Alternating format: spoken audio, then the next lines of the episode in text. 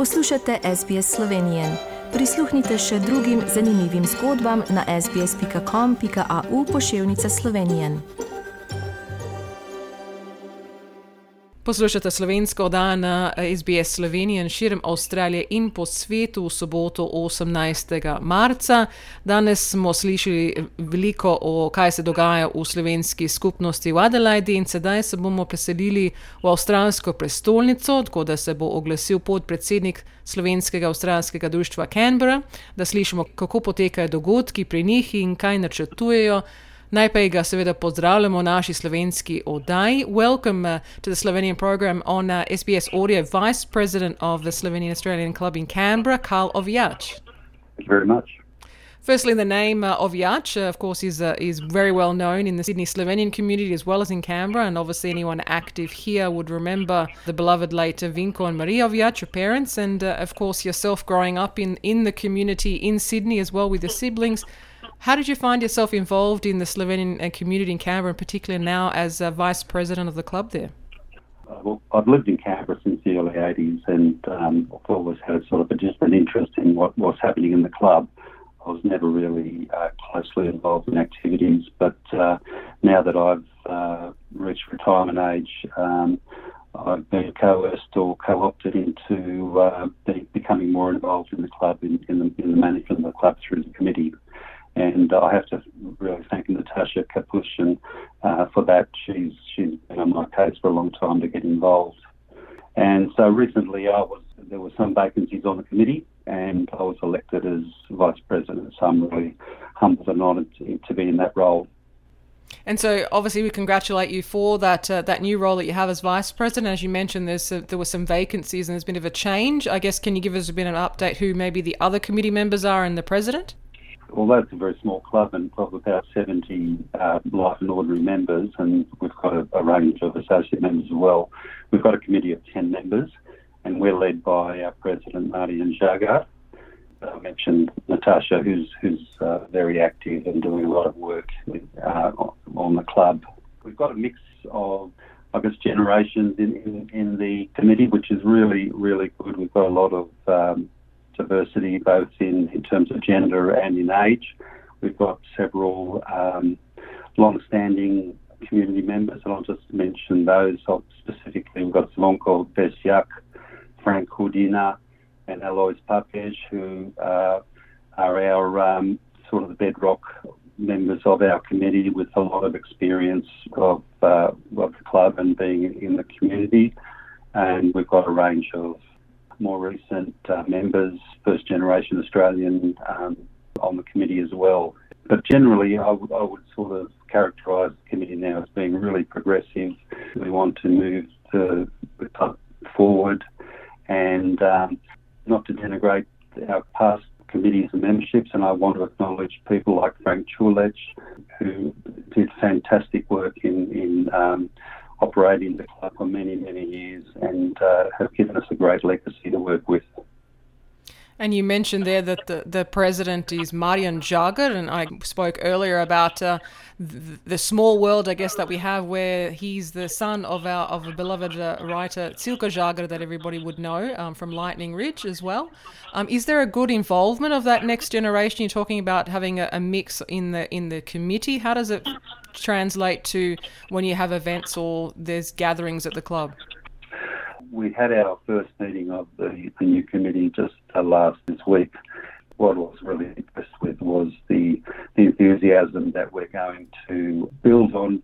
First of all, let me talk about the objectives of the of the club, which are sort of laid out in our constitution. It's really to be a meeting place for Slovenians and, and Australians who are interested in, in Slovenian culture and to promote and reinforce our culture through uh, things like entertainment and and we do that through by providing a, a, venue, a clubhouse for, for people to meet in. We earn income on our activities to support the cultural activities. And um, but the new committee is really enthusiastic and excited about being able to now to try and um, improve access to our club and activities. We're talking about increasing our hours of operation and uh, a range of activities to attract a wider demographic um, within within the Slovenian community here, and also the local population. We haven't done detailed planning of what what we're, we're actually organising at the moment. We've got to do first things first. There there's a lot of work that needs to be done to bring the clubhouse up to uh, a better standard to attract people into the into the clubhouse. So we've been talking about that. So we've been quite strategic about what we're what we're looking at working on. We're in discussions with with uh, entities to operate coffee outlets and things like things of that nature to, to make it more more of an attractive and accessible uh, venue for, for people. What are the current uh, hours, I guess, or days of operation? I guess in terms of if people want to come and visit the club, when is the best time that you guys are open? Historically, the Friday Friday evenings has been a, a popular time for people to come and just uh, have a bit of a chin wag and and meet up and, and talk with each other, the Slovenian community.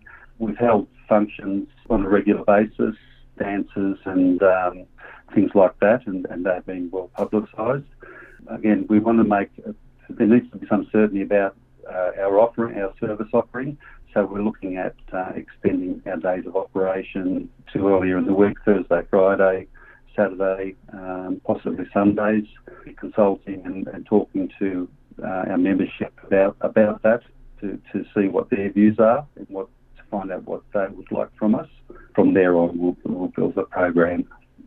And uh, what's the best, uh, I guess, way to, to find out that information in terms of getting in touch with someone via either phone or emails or Facebook? Is what's the best way that I guess people can find out when those events are on?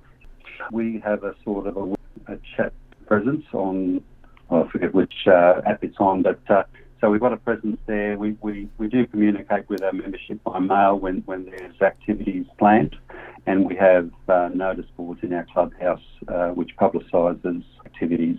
We want to make it more of a, a place where you can rely on that's going to be open on certain days, certain hours, to make it easier for people to use our facilities.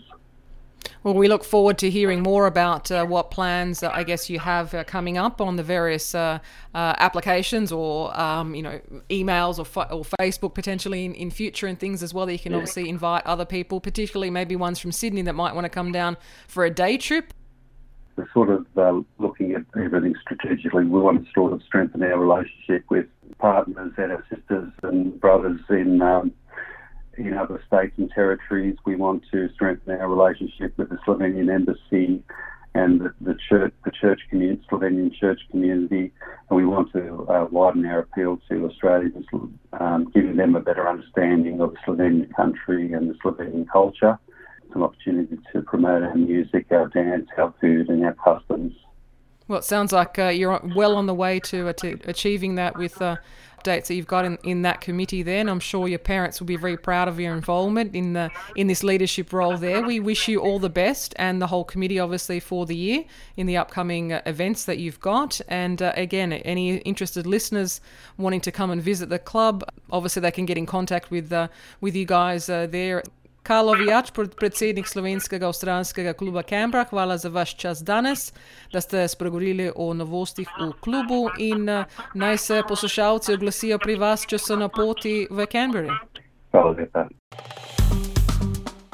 Všečkaj, deli, komentiraj. Spremljaj SBS Slovenijo na Facebooku.